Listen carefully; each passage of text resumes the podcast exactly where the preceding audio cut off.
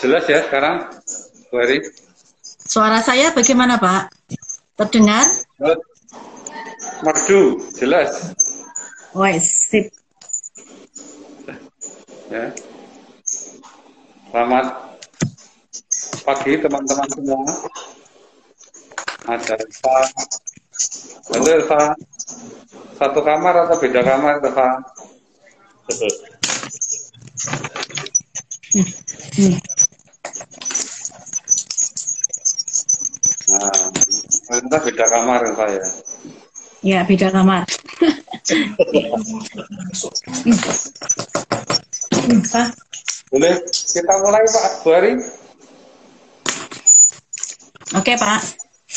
Karena ini tidak bayar, jadi satu jam putus otomatis.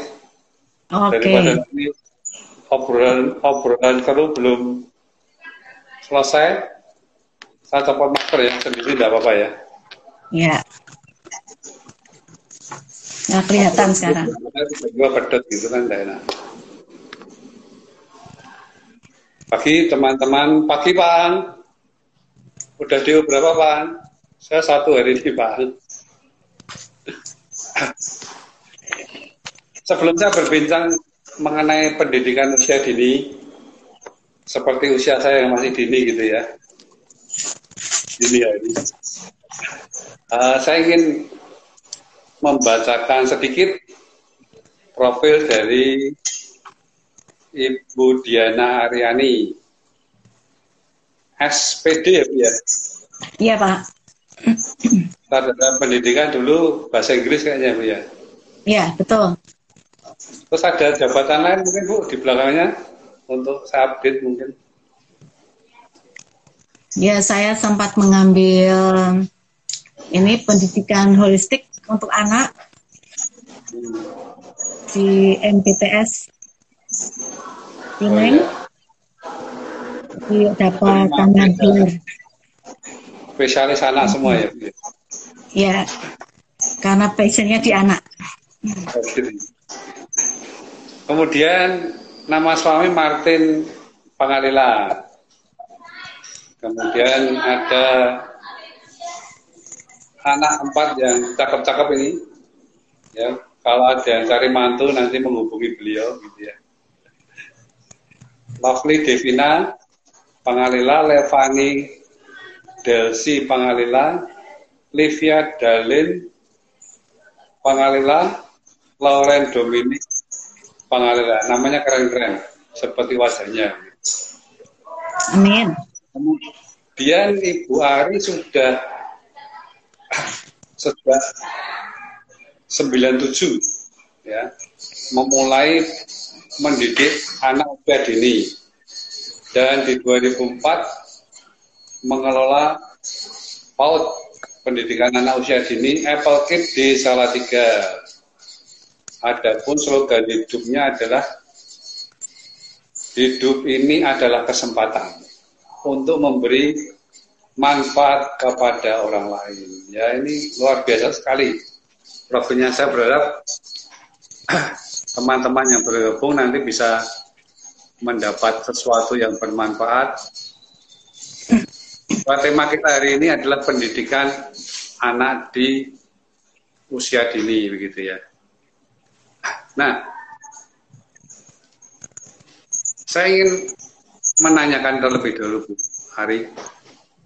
ya Pak Saya termasuk saya termasuk usia dini enggak sih Bu? gimana sih pengertian usia dini itu gimana? Pak Ang atau Pak Riwanto itu termasuk usia dini atau enggak gitu?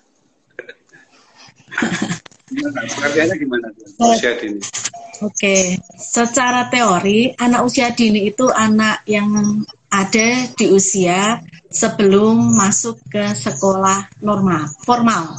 Begitu, sekolah formal kan dibilang di usia eh, SD gitu. Jadi adalah anak-anak yang usianya kira-kira 0 sampai 6 tahun. Gitu, Pak.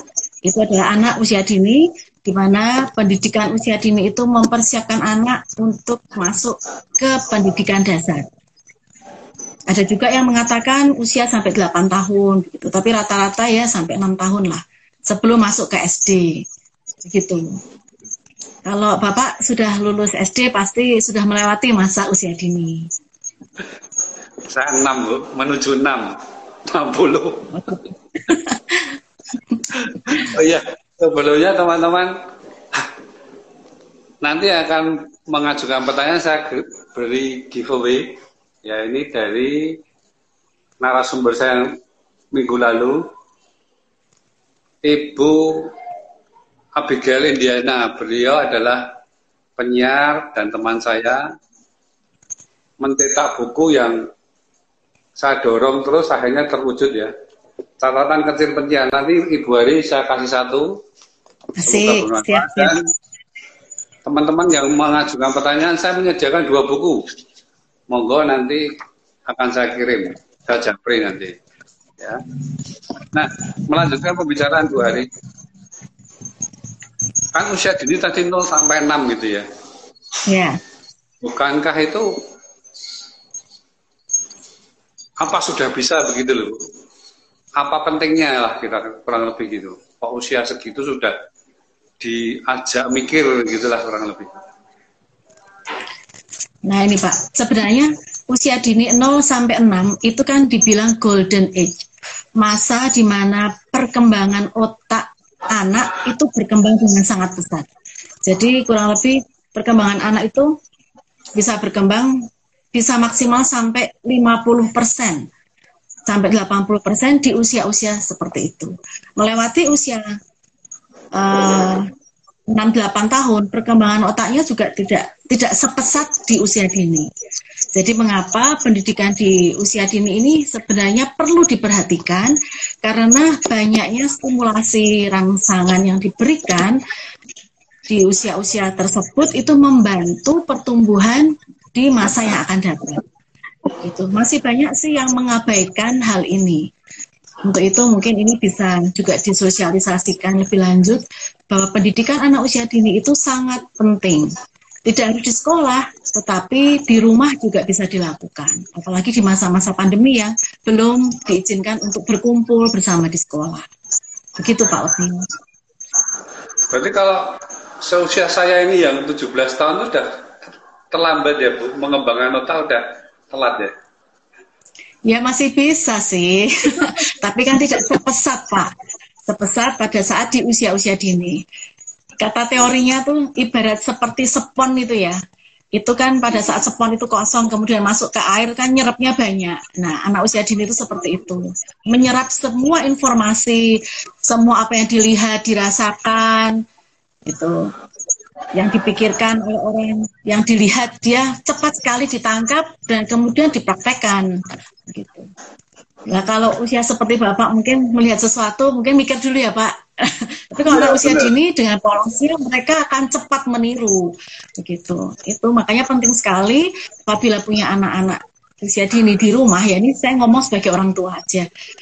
Hati-hati dalam berkata-kata, bertindak gitu. Karena itu akan cepat sekali untuk dikopi oleh anak-anak. Gitu, Berarti mohon maaf Pak Riwanto kalau mau pendidikan usia dini sudah tidak bisa. Semuanya oh, iya, terlanjur. Gitu ya. Sudah lama tidak ketemu Pak Riwanto. Yohanes, pokoknya sudah terlalu banyak isi uang kalau Yohanes saya tahu itu pengusaha. Oh, halo Pak Yohanes. Jadi penting ya Bu ya, karena sponnya masih kosong, jadi lebih cenderung hati-hati gitu ya. Iya. Coba Bapak ya. bicara apa begitu, anak-anak cepat meniru loh. Ya. Nutup pintu pakai kaki gitu Pak. Nah itu anaknya juga akan meniru seperti itu karena yang di anak-anak akan berpikir, oh seperti itu toh cara menutup pintu. Nah, jadi kenapa perlu sekali memberikan keteladanan yang baik di masa usia dini karena itu jadi dasar. Jadi untuk anak usia dini lebih sering untuk diberi contoh untuk ketiga kata ajaib seperti terima kasih, maaf, maaf. Satunya apa bu? Halo. Permisi. tolong. Saya punya lima kata ajaib halo. Tambah halo di sekolah kami. Jadi kami punya lima kata ajaib dari maaf. Terima kasih. Tolong. Itu kami kembangkan. Tambah halo. Tolong. Gitu. Yang menarik ini. Permisi. Itu jadi pembiasaan setiap hari. Saya pernah punya pengalaman. Di usia saya yang sekitar 20-an tahun setelah saya lulus, saya setelah saya bekerja begitu bersama dengan partner saya, kebetulan saya mengajar, kebetulan dia orang uh, native speaker gitu, dia itu ditolong oleh suaminya. Jadi suaminya itu membawain makanan gitu ke dia. Terus saya tuh lihat dia tuh bilang terima kasih gitu. Terus saya bertanya gitu, kok saya tidak punya teladan seperti itu ya?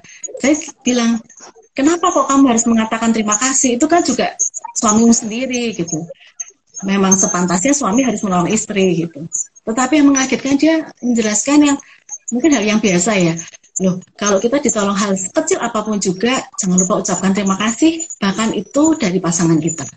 Sejak saat itu Pak, di usia yang kurang lebih 22 tahun, saya tuh baru sadar, saya itu jarang mengatakan terima kasih. Ternyata saya tuh jarang menghargai orang. Kalau saya flashback, sepertinya karena pendidikan yang ada di keluarga saya itu kurang mengajarkan saya untuk mengatakan terima kasih, minta tolong, gitu. sorry, maaf gitu. Sejak saat itu saya mulai bercita-cita kalau saya punya anak saya harus memberikan dasar-dasar ini kepada mereka. Karena ini dasar-dasar yang sangat penting untuk kehidupan mereka selanjutnya, terutama saat nanti mereka sudah bekerja, apalagi mereka berkeluarga, gitu. Penting sekali. Jarang kan Pak? Bapak sering nggak ngomong terima kasih kalau ditolong sama istrinya? mulai Diberikan minum. Bagus. Kalau minta maaf Pak, kalau salah kita semua. Nah itu Pak, jadi saya saya di usia seperti ini pun saya terus berlatih berkata kepada anak saya kan cenderungnya juga menyuruh gitu ya ambilin ambil minum atau ambilin buku gitu. Kadang-kala saya lupa menyisipkan kata tolong. Nah anak saya pun sering mengingatkan, lo mana kata tolongnya? Ternyata itu harus dibiasakan. Begitu. Jadi ini merupakan dasar pemikiran yang sangat sederhana yang membuat saya bercita-cita untuk membentuk anak-anak usia dini mem-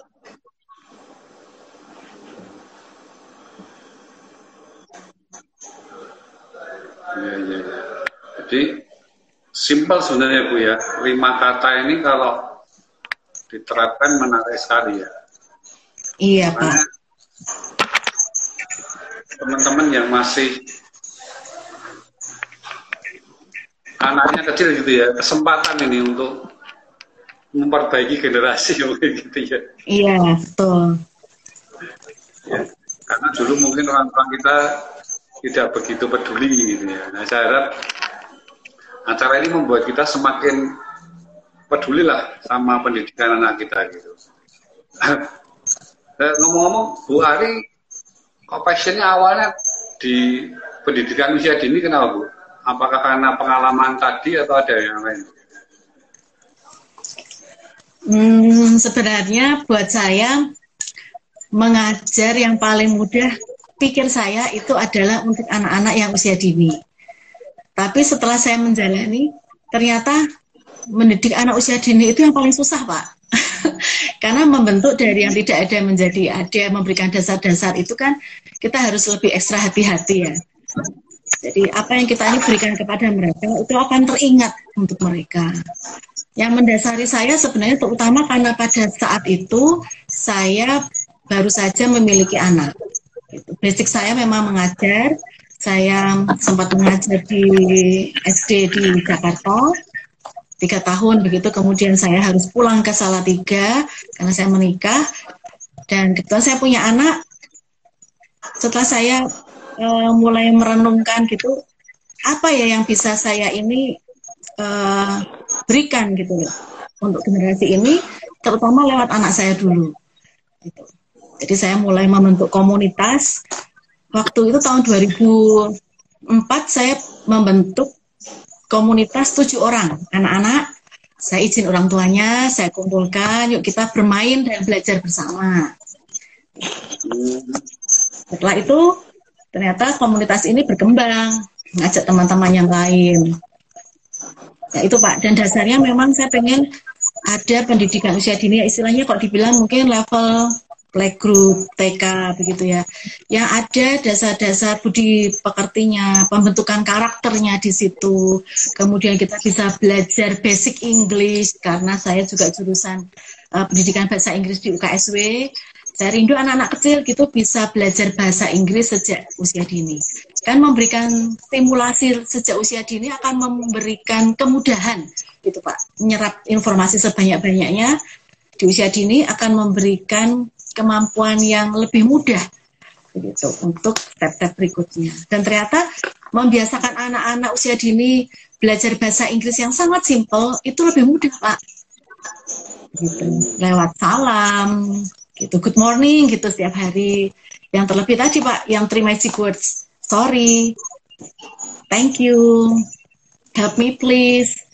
Gitu. Tolong gitu itu dibiasakan setiap hari kepada mereka dan ternyata mereka sangat enjoy dan mereka mampu untuk menerapkan penggunaan simple English sehari-hari.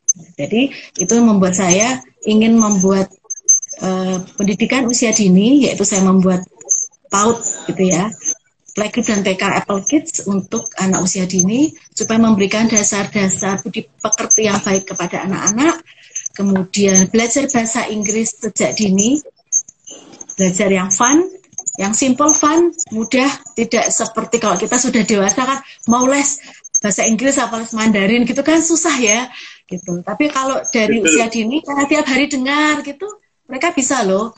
Gitu. Begitu Pak. Usia tua itu dedel Bu bahasa Inggrisnya Bu. Maksudnya susah. Gitu kan. Itu nah, sponnya sudah terlalu banyak menyerap mungkin ya Pak. menyerap yang lain-lain. Pokoknya harus diperas dulu, Bu. Iya. Nah, basicnya nanti budi pekerti ya? Iya, Pak. Kira-kira apa yang dilakukan di Apple Kit ini, Bu? Budi pekerti selain tadi dengan kalimat ajaib tadi, apalagi ya, Bu? Ya? Budi pekerti yang dipraktekkan uh, di Apple Kit. Praktek uh, untuk yang kita punya five magic words itu itu saya bilang itu jadi dasar ya untuk di Apple Kit sampai kami lukiskan gambarnya itu di dinding sekolah supaya setiap hari anak-anak bisa melihat kemudian mendengar merasakan sendiri.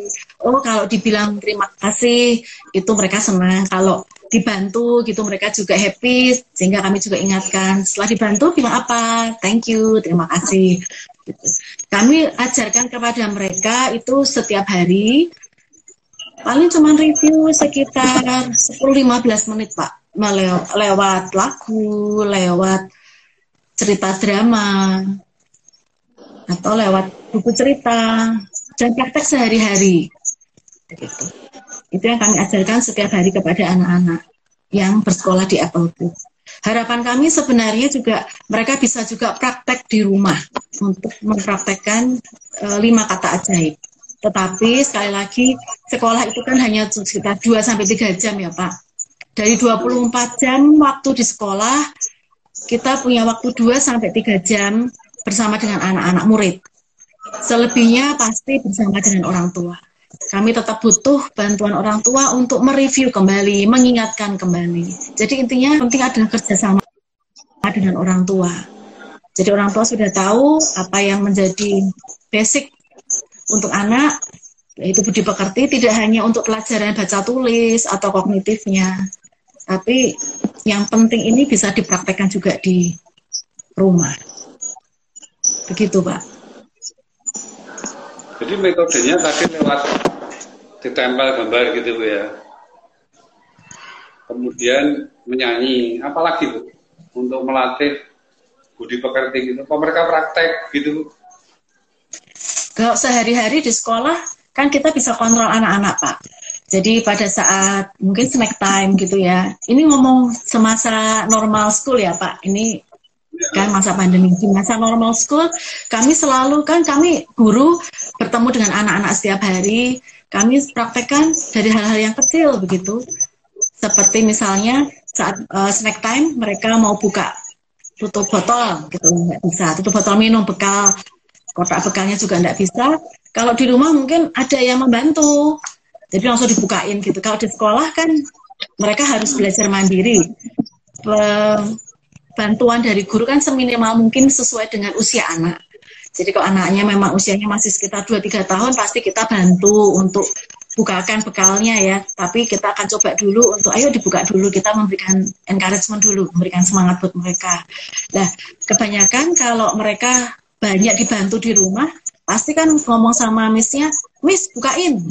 Kita ajarkan mereka, kalau minta tolong bilang apa, gitu. Kalau minta dibukain bilang apa dulu, tolong gitu. Setelah setelah dibuka kita bukakan, kemudian kan mereka langsung ambil. Kita ingatkan juga, ayo bilang apa dulu, sudah dibantuin. Thank you Miss, nah, good job. Nah kita berikan penghargaan kepada mereka juga. Itu pada saat mereka sedang makan snack. Kemudian pada saat mungkin mereka sedang um, menerima lembar worksheet ataupun pekerjaan ataupun buku komunikasi dari sekolah itu untuk dimasukkan ke tas biasanya kami panggil namanya mereka juga kami latih untuk menjawab begitu. Misalnya dipanggil ya namanya. Misalnya namanya Budi gitu.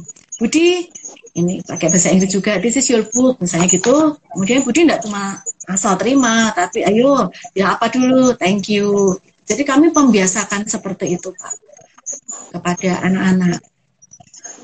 Kalau kita ada kesempatan bicara dengan orang tua, kita uh, juga lapor ke orang tua habis pulang sekolah gitu.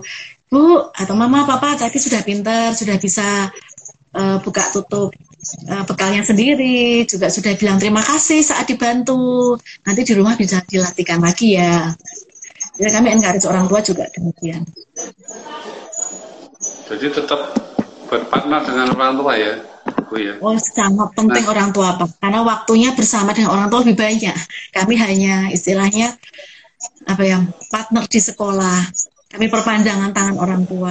Kami hanya ibu dan bapak saat di sekolah yang hanya 2 sampai tiga jam. Tapi tetap orang tua adalah guru yang terbaik buat anak. Terus kalau kondisi gini Bu, ini kan belum pada kumpul ya.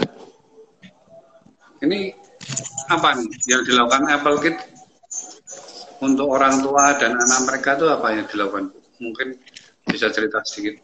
Iya, saat ini karena kondisinya sedang pandemi, sudah beberapa bulan ini tidak boleh berkumpul, akhirnya mau tidak mau seperti arahan dari Bapak Menteri Pendidikan juga sekolah masih lewat daring.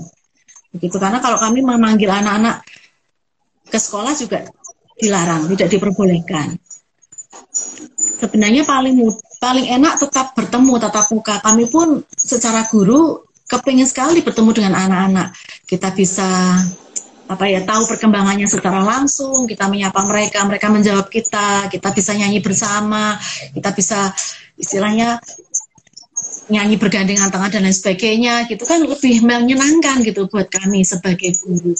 Tetapi karena kondisi seperti ini mau tidak mau kami melakukan juga daring ya sekolah daring.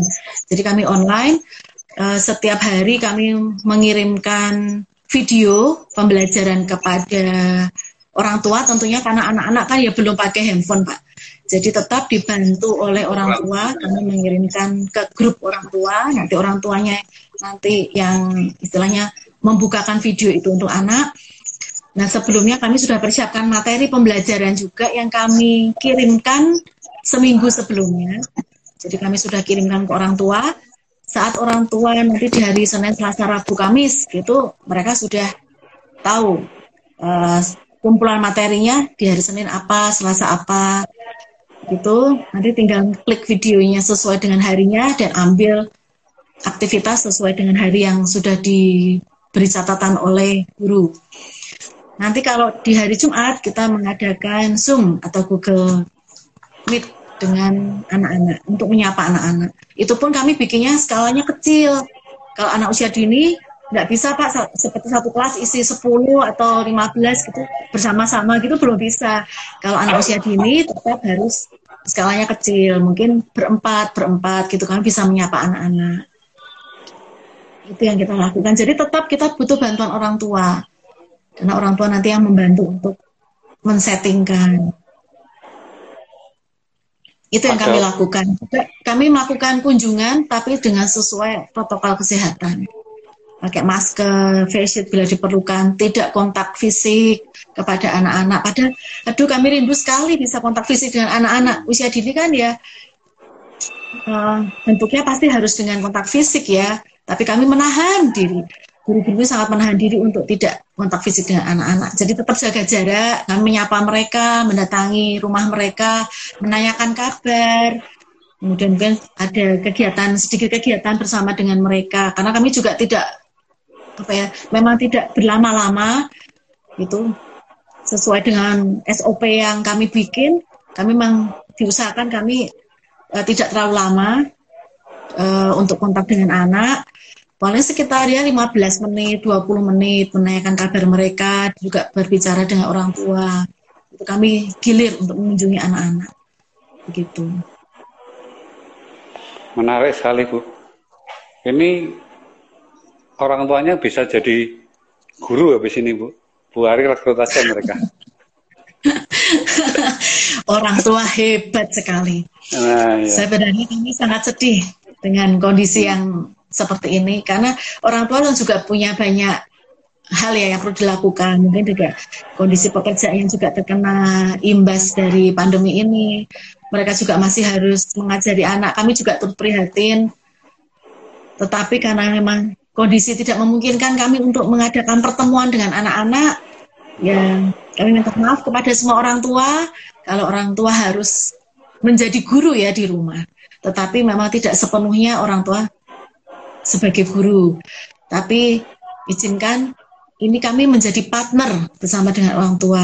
Saat ada permasalahan dengan anak, mungkin dengan bahan-bahan yang kami bagikan lewat video ataupun eh, materi yang dibagikan ada kendala, orang tua kami mohon untuk tetap berkonsultasi, tetap menghubungi guru kelas. Gitu. Nah, ada kisah menarik enggak, Bu? Sebelum pandemi mungkin yang yang mana orang tua itu ya menitipkan kan anaknya kayak apa gitu itu mungkin ada kisah menarik yang bisa diceritakan ke kita kita. Sebenarnya banyak kisah yang menarik mengharukan gitu. Nah. tetapi mungkin saya yang ingat ini pak. Karena Apple Kids ini sudah berdiri sejak tahun 2004 jadi ini sudah 16 tahun berjalan. Yang saya saat ini saya sedang ingat adalah uh, ini sudah lama tapi ya. Tapi kan kami tuh saat ini terus mengikuti perkembangan didik murid-murid kami, anak didik kami. Jadi kami mengikuti perkembangan mereka dari kecil sampai sekarang. Sudah jadi apa ya gitu. Karena visi kami kan pengen sebenarnya dari karakter yang terbentuk mereka bisa menjadi pemimpin yang handal di masa depan. Jadi keinginan kami, kami punya visi setiap dari anak-anak Apple Kids akan menjadi pemimpin masa depan yang bisa berguna buat bangsa ini bahkan buat dunia ini. Itu yang menjadi kerinduan kami. Itu. Nah, kami ikuti perkembangan mereka. Kami masih juga japri dengan orang tua yang um, pernah menitipkan anaknya di Apple Kids selama usia tadi usia dini kami masih terus kontak dan terus menyemangati, saling menyemangati satu dengan yang lain. Yang saya ingat itu ini, sekitar beberapa tahun yang lalu ada an, ada anak murid kami yang sekarang ini sudah usia SMA, kelas SMA. Nah, pada saat kan memang usia dini itu kan kami tidak boleh memaksakan anak untuk belajar baca tulis, toh Pak. Secara oh. kognitif kami tidak boleh memaksakan mereka. Karena memang usia dini ini anak-anak harus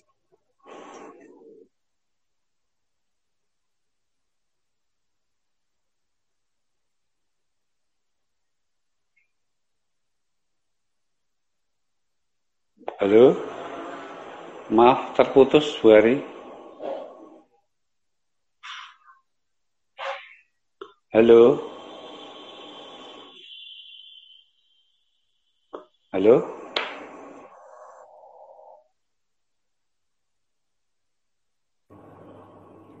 Ah, maaf putus teman-teman. Bu Arinya hilang.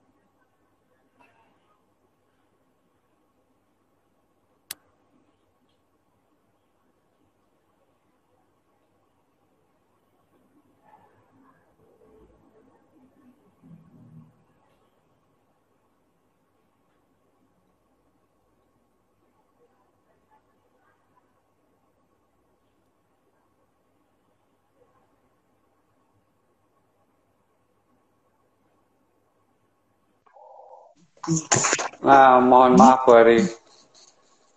Gangguan teknis. Oh iya Pak. Dengar. Nah, Ya, sudah dengar. dulang, dulang Boleh. dikit tadi ma- masih boleh. bercerita mengenai alumni Apple Kit loh, ikatan Pak. alumni Apple Kit ya. Mungkin dulang dikit Iya. lagi. Ya. Karena kita ini kan sebagai tenaga pendidik itu kan juga terus berproses, terus belajar. Kita juga dalam hidup kan terus belajar ya Pak. Pada saat eh, anak ini yang di usia yang di usia SMA ini zaman dulu mungkin keinginan orang tua ataupun keinginan kami itu juga eh, mengejarnya secara kognitif gitu ya, secara ilmu untuk bisa baca tulis atau apa gitu. Tetapi pada saat itu kami sudah sudah sadar karena kami juga dapat pengarahan dari dinas juga bahwa untuk usia anak TK tidak diperbolehkan untuk mengajarkan baca tulis hanya distimulasi diperkenalkan Pak begitu. Dan memang eh, anak tersebut memang belum terlalu lancar untuk baca tulisnya sampai lulus dari TK dan masuk ke SD. Dan kalau di SD itu kan tiga bulan pertama itu sudah ada tes ya tes tengah semester, tengah semester satu. Nah itu kan eh, pertanyaan-pertanyaannya kan harus menulis. Contohnya gini, warna bendera Indonesia adalah titik-titik dan titik-titik, begitu. Nah, Anak-anak kan diminta untuk bisa menulis dalam waktu tiga bulan di kelas SD pertama ya. Gitu.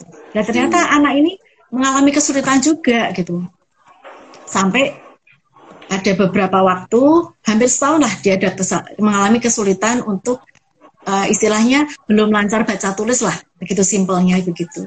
Nah, tentu itu juga menjadi beban gitu buat saya yang mengikuti cerita dari uh, mamanya, kan kami masih sering kontak.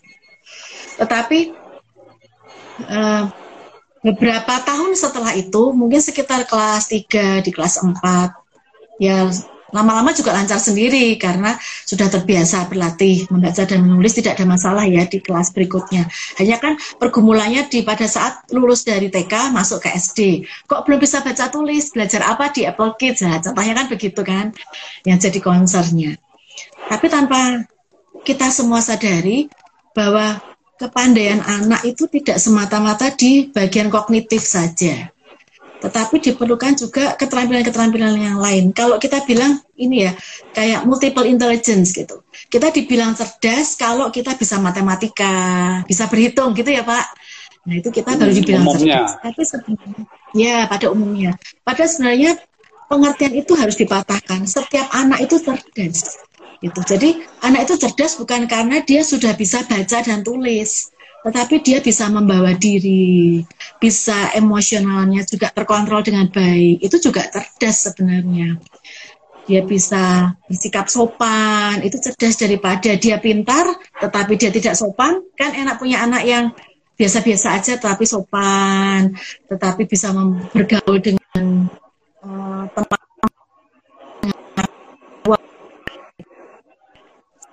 punya anak empat yang saya masih proses untuk belajar mendidik mereka dengan lebih baik. Saya tidak bilang anak saya sempurna. Saya dan suami saya masih belajar lah untuk mendidik anak sampai saat ini juga. Nah, uh, saya cerita tadi anak tadi ya, di usia uh, di um, di kelas 3 dan kelas 4 ternyata dia punya kecerdasan yang lain. Kecerdasannya ternyata dia di, uh, di motorik, di gerak, di kinestetik. Anak ini menjuarai eh, lomba-lomba tari itu sampai tidak cuma tingkat kecamatan, kan ada tuh Pak tingkat uh, lomba di sekolah tingkat kecamatan, nanti kalau menang di tingkat kota, menang lagi sampai ke Jakarta. Dan anak ini menang wow. sampai ke Jakarta, membawa nama sekolah wow. sampai ke Jakarta. Mungkin secara uh, pelajaran mungkin tidak semenonjol teman-teman yang lain. Tapi saya juga tidak mengikuti karena buat saya dengan anak ini sudah bisa membawa nama sekolah ya, membawa prestasi sampai ke Jakarta itu sudah sangat luar biasa. Dan saya dengar lagi di usia-usia yang SMA ini, anak ini me, apa ya kecerdasannya itu bertambah. Dia ada lomba musik yang juga sampai di Jakarta dan menang juga. Begitu, lomba instrumen. Gitu. Jadi itu membukakan mata kita semua bahwa baca tulis itu bukan satu-satunya indikasi bahwa anak itu cerdas. Jadi kadang-kala nanti ada seperti ada katup-katup kecerdasan yang akan terbuka di usia-usia tertentu. Jadi orang tua jangan merasa sedih pada saat, loh anak saya sudah mau TK kecil atau sudah mau TK besar kok belum bisa baca, belum bisa tulis. Itu bukan yang utama. Tetapi yang terus yang utama adalah budi pekerti yang terus diajarkan kepada mereka, kemandirian, kecerdasan emosi. Jadi istilahnya apa ya Pak? Kalau kita bahasa sehari-hari itu tidak mutungan gitu ya.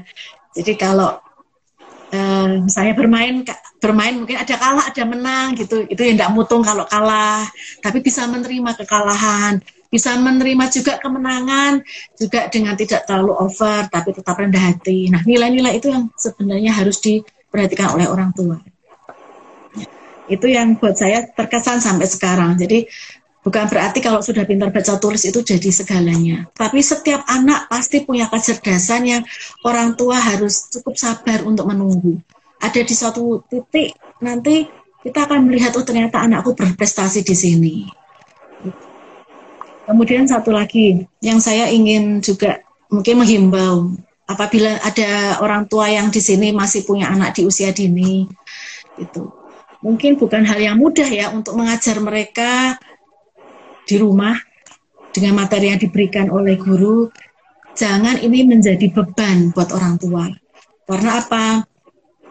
Pada saat kondisi kita juga tidak fit secara kondisi hati, secara pikiran tidak fit, gitu ya, kondisinya tidak baik. Mungkin kami kita ini punya banyak pergumulan di pekerjaan dan lain-lain atau hubungan dengan uh, suami istri yang sedang berat itu lebih baik tidak mengajar anak-anak dulu.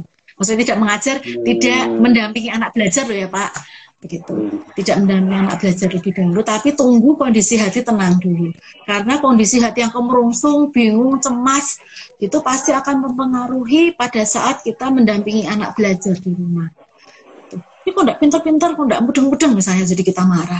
Padahal sebenarnya mungkin cara kita menjelaskan ke mereka, begitu yang mungkin belum pas.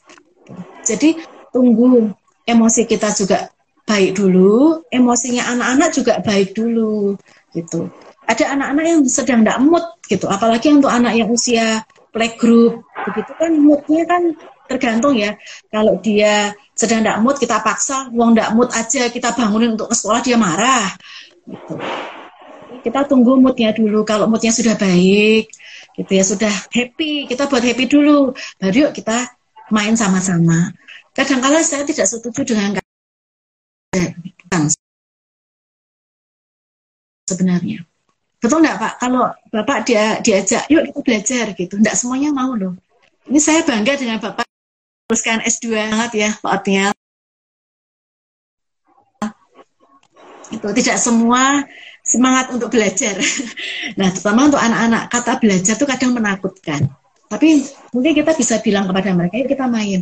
Padahal dalam bermain itu kita bisa belajar. Ini untuk anak yang usia playgroup ya, 3, 4, gitu. Mungkin sampai usia lima juga tidak suka itu belajar.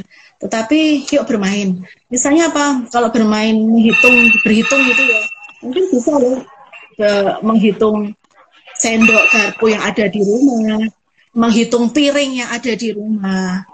Nah, itu kan lebih penting gitu sebenarnya feelnya lebih dapat gitu.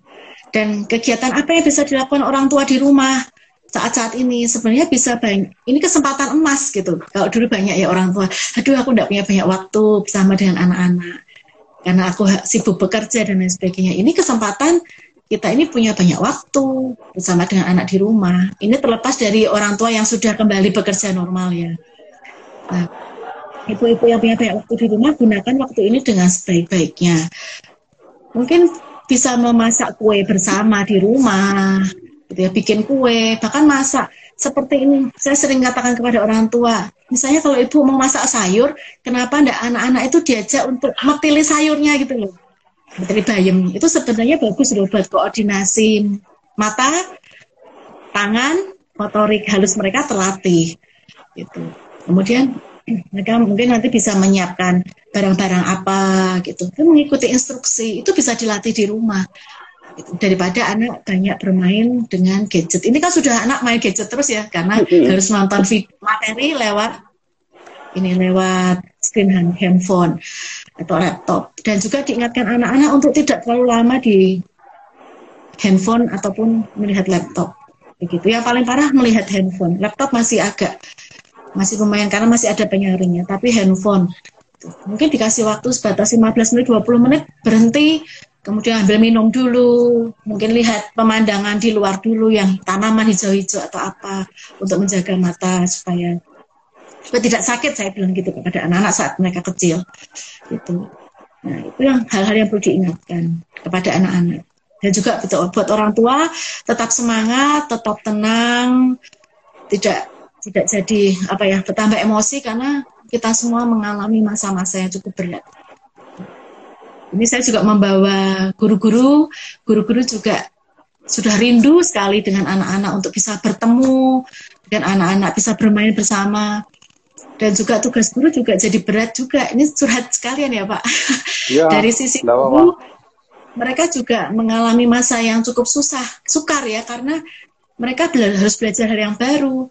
Mereka harus syuting, kalau mereka bukan artis, bisa syuting sampai 16 kali tuh Pak pertama kali untuk ambil satu video aja. Harus diulang-ulang karena kan ini ya, ya bukan artis ya jadi ya aduh kok ngomongnya gitu film ya. bukan bintang, bukan bintang film. Iya dan akhirnya sekarang sudah terbiasa di depan kamera gitu ya dilihat oleh banyak orang begitu dan harus edit videonya supaya dibikin menarik buat anak-anak itu bukan pekerjaan yang mudah buat guru-guru. Tetapi saya mengapresiasi guru-guru secara khusus buat Apple Kids dan secara umum buat guru-guru semua guru-guru yang saat ini sedang bekerja keras untuk memberikan pengajaran yang terbaik. Saya tahu mereka berusaha untuk melayani anak-anak dan orang tua dengan yang terbaik. Begitu. Jadi tetap semangat buat semua orang tua ataupun guru-guru karena guru-guru terlebih juga mengalami kendala. Mereka pulang harus sampai edit video kadang sampai sore gitu. Mereka online dengan anak-anaknya terutama yang usia dini juga sepulangnya mereka di rumah. Jadi kondisi juga sudah sore ataupun bahkan malam kalau mereka ada acara. Saya sering ingatkan kepada guru-guru uh, di Apple Kids kalau sedang mendampingi anak-anak jaga hati. Jangan sampai beban-beban yang saat ini kamu ini sedang alami gitu ketransfer gitu ke anak-anak. Itu ciptakan tetap sukacita karena mereka juga tidak menginginkan hal ini kan kondisi seperti ini. Jadi tetap jaga hati kalau memang tidak fit kondisinya mending di stop dulu belajarnya ditunda dulu begitu. Jangan sampai takut karena kalau guru-guru meminta ini ya deadline-nya kapan begitu. Pasti kalau usia dini beda kan dengannya SD ataupun SMP SMA bahkan kalau kita punya masalah sebenarnya kita bisa jabri ke gurunya. Kalau itu usia anak saya juga ada yang usia SMP SMA gitu. Kalaupun memang tidak bisa mengerjakan tepat waktu minta excuse gitu ya. Hubungi gurunya untuk minta excuse. Mohon maaf belum bisa mengumpulkan karena kami sedang ada kendala begini. Dan begitu. Pasti guru tahu kok. Gitu. Dan tidak akan langsung diberi nilai apa yang nilai merah gitu kan tidak. Tapi pasti ada dispensasi khusus lah begitu. Jadi tetap komunikasi dengan orang tua itu yang begitu. Begitu pak. Dan saat-saat ini mungkin saya bisa tambahkan untuk orang tua yang punya anak-anak di usia dini mungkin sampai kelas 3 SD begitu perbanyak kontak kontak fisik dengan mereka lewat permainan-permainan begitu banyak permainan-permainan yang tradisional yang bisa digali lebih lagi. Permainan yang sebenarnya murah tidak harus beli PS gitu ya. Tapi permainan yang lama yang mungkin bisa dicari lagi kalau masih ada seperti dakon gitu. Mungkin main ya, kalau masih ada kuartet gitu ya atau uno uno kemudian otelo, otelo. gitu ya. Nah, itu permainan yang mengasah otak, mengatur strategi, halma, segala. Itu permainan yang sangat bagus buat anak-anak. Gitu. Jadi, ada waktu di rumah, gunakan itu dengan sebaik. Karena itu keterampilan motoriknya juga terus terasah. Saya pernah punya murid yang di usia uh, eh, TK besar gitu, ternyata keterampilan untuk memegang pensilnya juga masih susah gitu. Karena terlalu banyak waktu lebih ini apa uh, lebih ke gadget ya sering, lebih sering nonton YouTube gitu ya tidak bisa menyalahkan orang tua kalau anak sudah istilahnya addiction gitu ya. Tetap dibutuhkan kerjasama lah pengertian orang tua untuk apa yang harus kita ini bantu untuk anak gitu. Ya betul bekelan monopoli itu penting loh koordinasi mata otak tangan. Kayaknya Pak Yayan suka bekelah ya waktu kecil.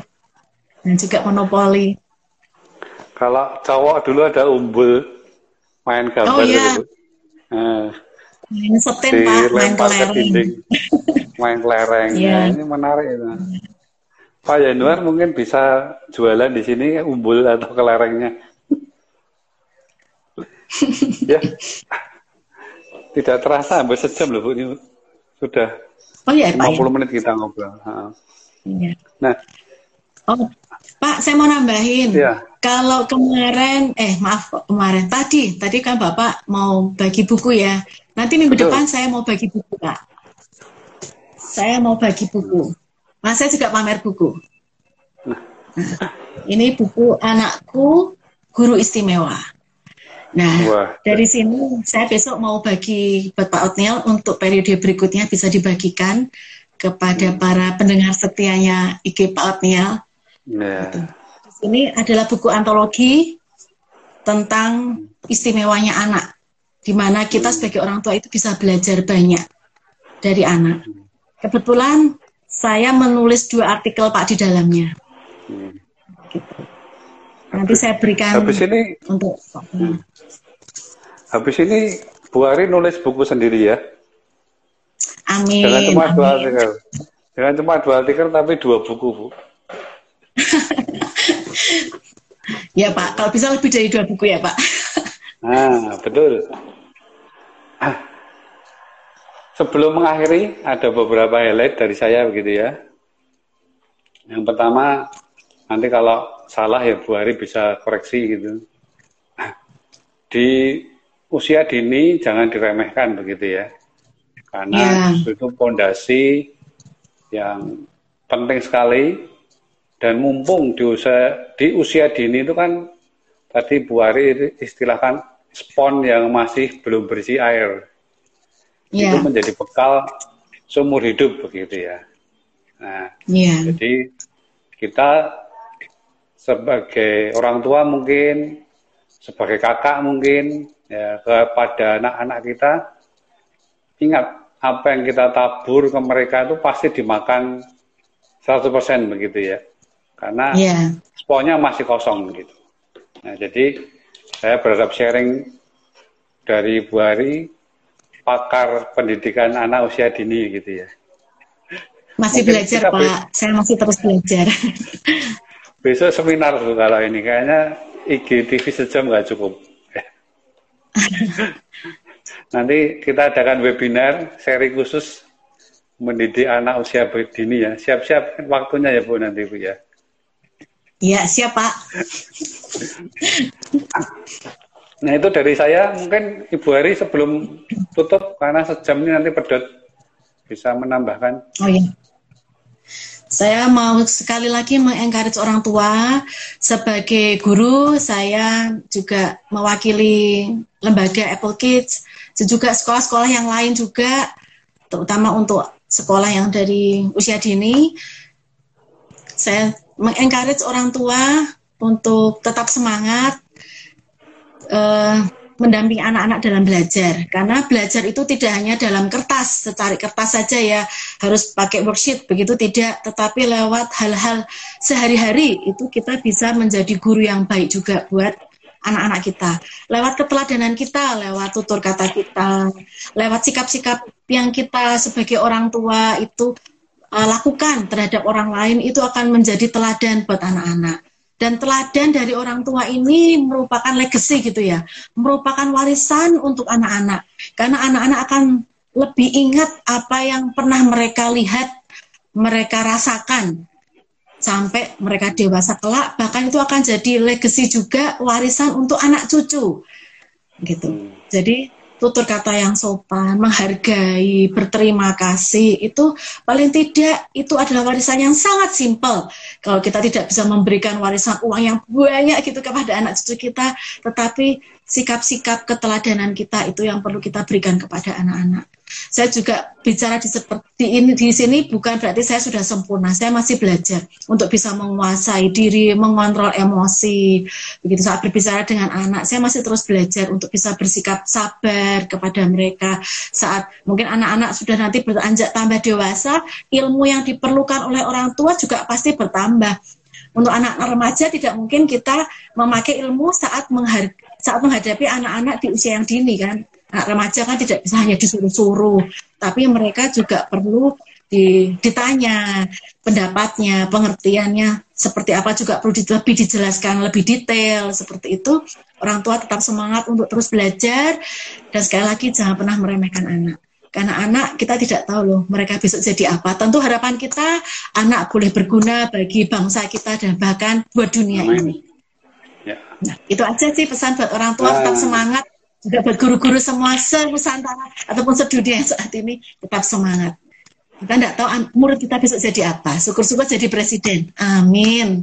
Amin. Nah, sebelum saya tutup, monggo diketik cepet-cepetan ya. Lima, satu aja. Magic word yang tadi Ibu Hari sampaikan, itulah dua orang yang berhak untuk mendapat buku. Ya, waktu saya tinggal satu menit ini. Monggo segera saya tunggu sebelum pedot.